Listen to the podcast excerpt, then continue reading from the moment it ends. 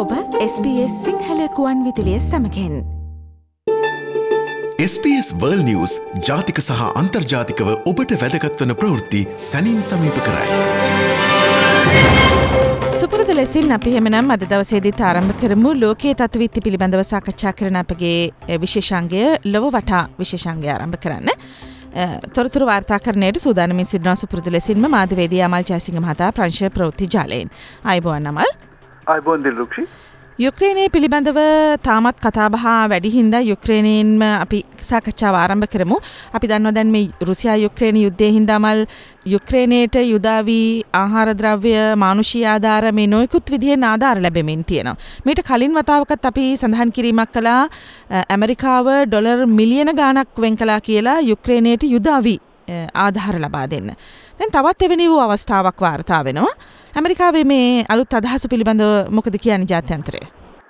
ඉල්ලුක්ෂි මෙතන ඇමරිකාව ප්‍රකාශ කරලා තියෙන්නේ මේ වෙනකොට යුක්‍රේනයට තමන්ගේ ඒ භූමිය ආරක්ෂා කරගන්නට අවශ්‍ය බර අවි විශේෂයෙන්ම කාලතුවක්කු සහ නාවික යාත්‍රාවලට ප්‍රහාර කරන්න පුළුවන් ඒ දුරදිග අවි ලබා දීමට කටයුතු කරනවායි කියලා ඩොලර් මිලියන 1000ක අවියාවිද මේ විදිහට ලබා දෙන්න ජෝ බයිඩන් ජනාධිපතිවරයා දැන් එකඟ වෙලා තියෙනවා ඒක ප්‍රකාශයට පත් කරලා තියෙනවා. ඉතින් මේක තමයි මීට කලින් අවස්ථාවලදීත් ඇමරිකාව යුක්‍රේනයට යුද ආධාර ලබා දීලා තිබුණා.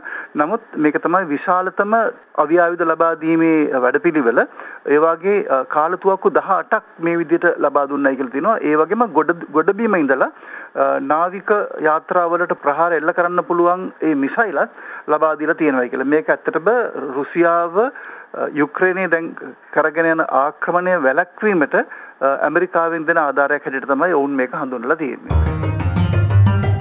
අපි දන්නානේ දැන් මේ රුසියා යුක්‍රේන යුද්ධය ආරම්භ වෙන්නට මූලික වුණු හේතු කාරණා මොකක්ද කියලා නේටෝ සංවිධානයේ සමාජික රටක් බවට යුක්‍රේනය පත්වෙන්නට යාම තමයි මේ ගැටලුවට මූලිකව බලපාපු සාධකය.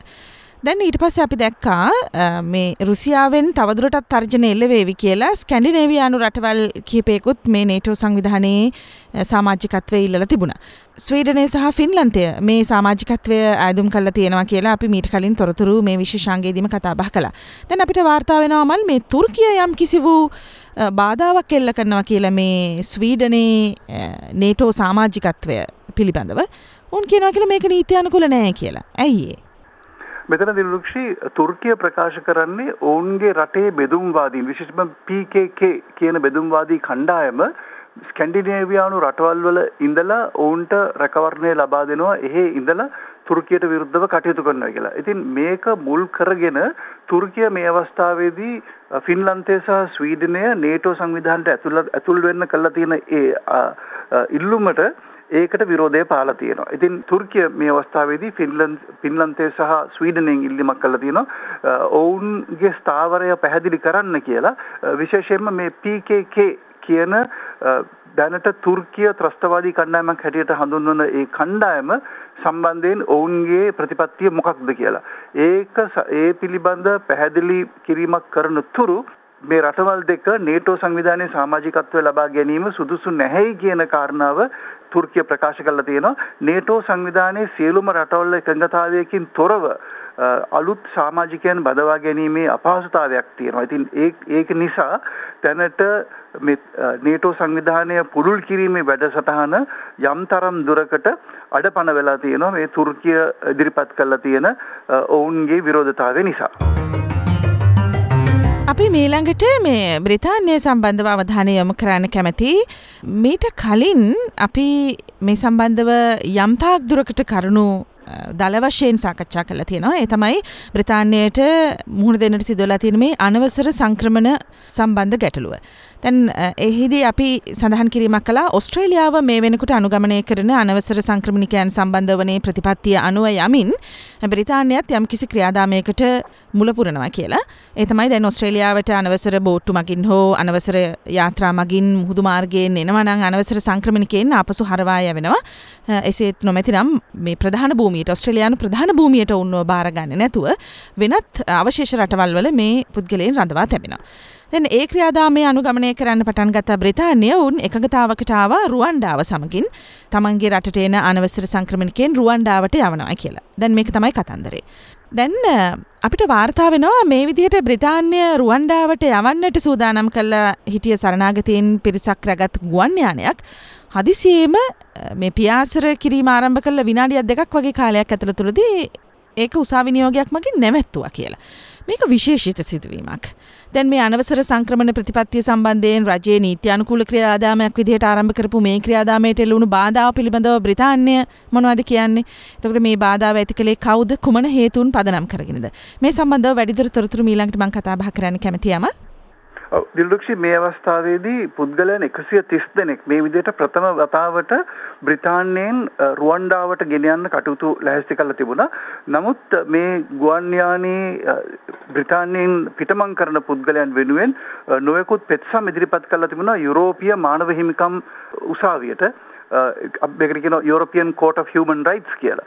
එතකොට මේ මේ උසාවිය විසින් තීන්දුවක් දුන්නා මේ විදිහට බ්‍රිතාන්‍යයෙන් ඒ පිටමන් කරන පුද්ගලයන් සම්බන්ධයෙන් තව වැඩිදුරටත් කරුණු සැලකිලට ගත යුතුයි. ඒ අනුව මේ ගුවන් යානය පිටත් වීම වළක්වාලමින් ඔවුන් නියෝගයක් ලබා දුන්නා. දැන් බ්‍රිතාන්‍ය යුරෝපා සංගමේ සමාජිකයෙක් නොවුනන් තවමත් ඔවුන් ඒ European court of human rights කියන ඒ සංවිධානයේ සමාජිකත්වයේ තියෙන නිසා මේ අවස්ථාවේදී බ්‍රිතාන්‍යයට සිද්ධ වුණා ඒ නියෝගය ක්‍රියාත්මක කරන්න. ඉතින් ඒ අනුව තමයි මේ ගුවන් යානය පියාසර කරන්න ආරම්භ කරනවත් එක්කම මේ යානය නැවතත් නවත්තලා ඒ මගින්ව ඒ යානෙන් බස්සන්න සිද්ධ වුණයි කියලා මුලින්ම මේ යානය 130 දෙනෙක්ව ගෙනියන්න තීන්දුව කළා තිබුණා. පසුව ඒ සංඛ්‍යාව අඩු වෙලා තිබුණා 7 දෙනෙකුට. ඒ 7 දෙනාගෙනුත් ඒ ගුවන් යානයේ හිටපු ඇෆ්ගන් ජාතිකයෙක් සම්බන්ධයෙන් තමයි යුරෝපා අධිකරණයට ඒ පෙත්සමක් යොමු කරලා තිබුණේ බ්‍රිතාන්‍යයට නීති විරෝධී ලෙස පැමිණෙන පුද්ගලයන් බ්‍රිතාන්‍යයේ පදිංචි කරන්නේ නැතිව මේ විදියට රුවන්ඩාවට ඔවුන්ව ගෙනියන්න ඒ ඔවුන් ඇති කරගත් රුවන්ඩාවත් එක්ක ඇති කරගත් ඒ ගිවිසුම ක්‍රියාත්මක කරන්න අවශ්‍ය නිසා බොහෝ විට බ්‍රිතාන්‍ය යුරෝපා මානව හිමිකම් ඒ උසාවියෙන් ඉවත් වෙන්නට ඉඩ තියෙනවයි කියලා බ්‍රිතාන්‍ය බලධාරීන් මේ වෙනකොට ඔවුන් අනුතුරු ඇඟවීමක් කරලා තියෙනවා. දැන් ශ්‍රී ලංකාවට මුණපාන්නට සිදුවෙලා තියෙන මේ ආර්ථික අර්බුදයත් සමගින් අපි දකිනවා ලෝකයේ විවිධ රටවලින් යම් ණයමුදල් ණයාධාර ලබා ගැනීමේ කටයුතු සිද්ධ වෙනවා. දැන් එතනදී අපිට වාර්තා වෙනවා ශ්‍රී ලංකාවට ණයාධාර ලබා දෙන්නට එකඟතාව මේ වෙනකොට පළ කරලා තියෙන ලබා දුන්න ලෝකයේ ප්‍රමුඛතම ආර්ථික බලවතෙක්ටත් මේ ආර්ථික දුෂ්කරතාවලට මූුණ පානට සිද්ධ වෙලා තියෙනවා කියලා. ඒ තමයි ඇමරිකාව. ඇමරිකාවේ නායපොලි අනිපාතිකයේ ඉහළ දාලා කියලා තොරතුරු වාර්තා වෙන්නේ. ඒ වගේ මුද්දමනයේ සම්බන්ධවත් අවධානයක් තියෙන උද්දමනයත් වැඩි වෙලා ඇමරිකාවේ කියලා. දැන් මේ වගේ තත්වයක් මත ලෝක ආර්ථිකයට මේක කොහොම බලපාවිද? ලංකාව වගේ රටකට මේක කොයි වගේ තත්වයක් විදිහට බලපාවිද?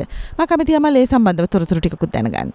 මේ අවස්ථාවේ දිල්රුක්ෂි ඇමරිකාව අවුරුදු විසි අටකට පස්සේ තමන්ගේ පොලි අනුපාතය විශාල ප්‍රමාණයකින් ඉහළ දමල තියෙනවා.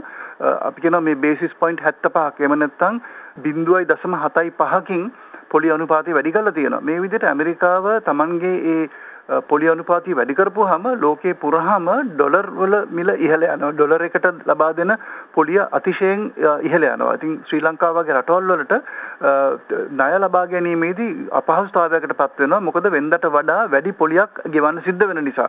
ඉතින් මේ කාරණාව නිසා විශේෂයෙන්ම නිවාස ණයක් ගත්තා නම් එහෙම නැත්නම් වාහනයකට ලීසින් එකක් ලබා ගත්තා නම් ඒ හැම දෙයකම වාරිකවල වැඩිවීමක් සිද්ධ වෙනවා. පොලි අනුපාතයේ වැඩිවීමත් එක්කලා.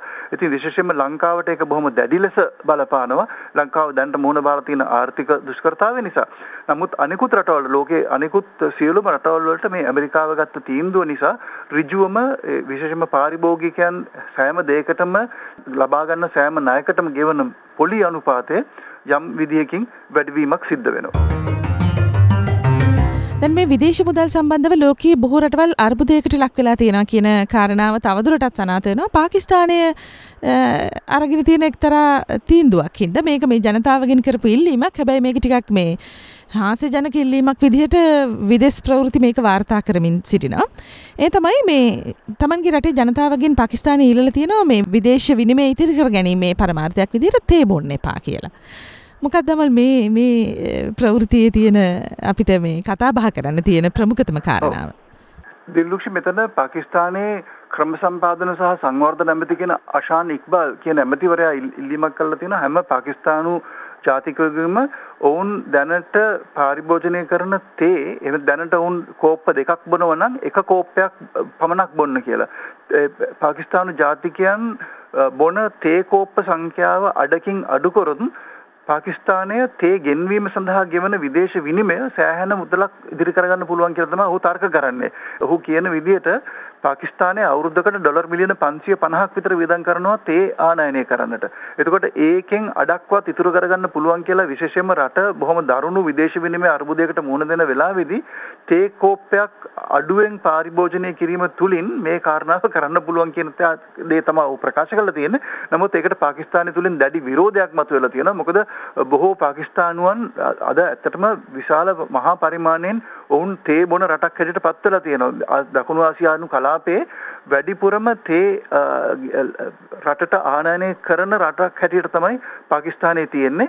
වෙතනදී විශේෂයෙන්ම ජනතාව ප්‍රකාශ කරලා තියෙන්නේ ඔවුන් දිනකට බොහෝ දෙනෙක් දිනකට තේ කෝප්ප 20ක් 30ක් විතර පරිභෝජනය කරනවා කියලා. සෑම රජයේ රැස්වීමකදී වෙනත රජයේ කටයුත්තකදීම ඒ නිලධාරීන්ටත් තේ සංග්‍රහ කිරීමක් සිද්ධ වෙනවා කියලා. ඉතින් මෙතනදී ජනතාව ඉල්ලලා තියෙන්නේ රජයේ වියදම් අඩු කරන්න. නමුත් ජනතාව තේ පරිභෝජනය කිරීම අඩු අඩු කරනවයි කියන එක ඒක කරන්න පුළුවන් දෙයක් නෙවෙයි කියලා. ඒකම දිලුක්ෂි මේවයි කතාවක් තිබුණා මීට කලින් ශ්‍රී ලංකාවේ මුදල් ඇමති හැටියට රොනි ඩිමෙල් කටයුතු කරන වෙලාවේදී ඔහු එක්වරක් ප්‍රකාශ කළා ශ්‍රී ලංකාවෙත් සියලුම විදේශ විනිමය ප්‍රශ්න විසඳගන්න පුළුවන් කියලා ඉන්දියානු ජාතිකයන් තමන් දැනට බොන තේකෝප්ප සංඛ්‍යාවට වැඩිය තව එකක් පාරිභෝජනය කළොත් ලංකාවේ ප්‍රශ්න සියල්ලම විසඳන්න පුළුවන් කියලා. මොකද ඒකෙන් ਉਹ බලාපොරොත්තු වෙන්නේ වැඩිපුර තේ ප්‍රමාණයක් ලංකාවෙන් පිටරට යවන්නත් පුළුවන්. ඒ එක්කම ඉන්දියානුවන් තමන් නිෂ්පාදනය කරන තේ වැඩිපුර පාරිභෝජනය කරපුවාම ඔවුන්ට ලෝක වෙළඳපොළට යවන්න තියෙන තේ ප්‍රමාණය අඩු වෙලා ශ්‍රී ලංකාවේ තේ වලට වැඩි මිලක් ලැබෙනවයි කියලා. ඉතින් එවැනි දෙයක් තුලින් ශ්‍රී ලංකාවේ සියලුම ආර්ථික ප්‍රශ්න විසඳ ගන්න පුළුවන් කියලා රොනි ඩිමෙල් හිටපු මුදල් ඇමතිවරයා වරක් ප්‍රකාශ කරලා තිබුණා. ඒක හරිම ආකර්ශනීය ප්‍රවෘත්තියක් කමල් මොකද එක රටක් තමන්ගේ විදේශ විනිමේ ප්‍රශ්නය විසඳගන්න තේ පානය අඩු කරන්න කියද්දි තවරටක් ඇතරම තමන්ගේ විදේශ විනිමේ ප්‍රශ්නය විසඳගන්න තේපානය වැඩි කරන්න කියල එල්ලීමක් කරන මේක බෝමාකර්ශණය ප්‍රවෘතියක් ඇත වශයෙන්ම. බොහොම ස්තුති අපිට මේ තොරතුරගෙනාවට අපි ලබන සතිය සිකුරාදා නැවතත් ලෝකයේ ප්‍රමුඛ පෙළේ ප්‍රවෘත්ති කතාබහ කරන්න. එහෙමනම් මේ විශේෂන්ගෙන් හමුයමු අමල් බොහොම ස්තුතියි. අයිබෝවන් අයිබෝන්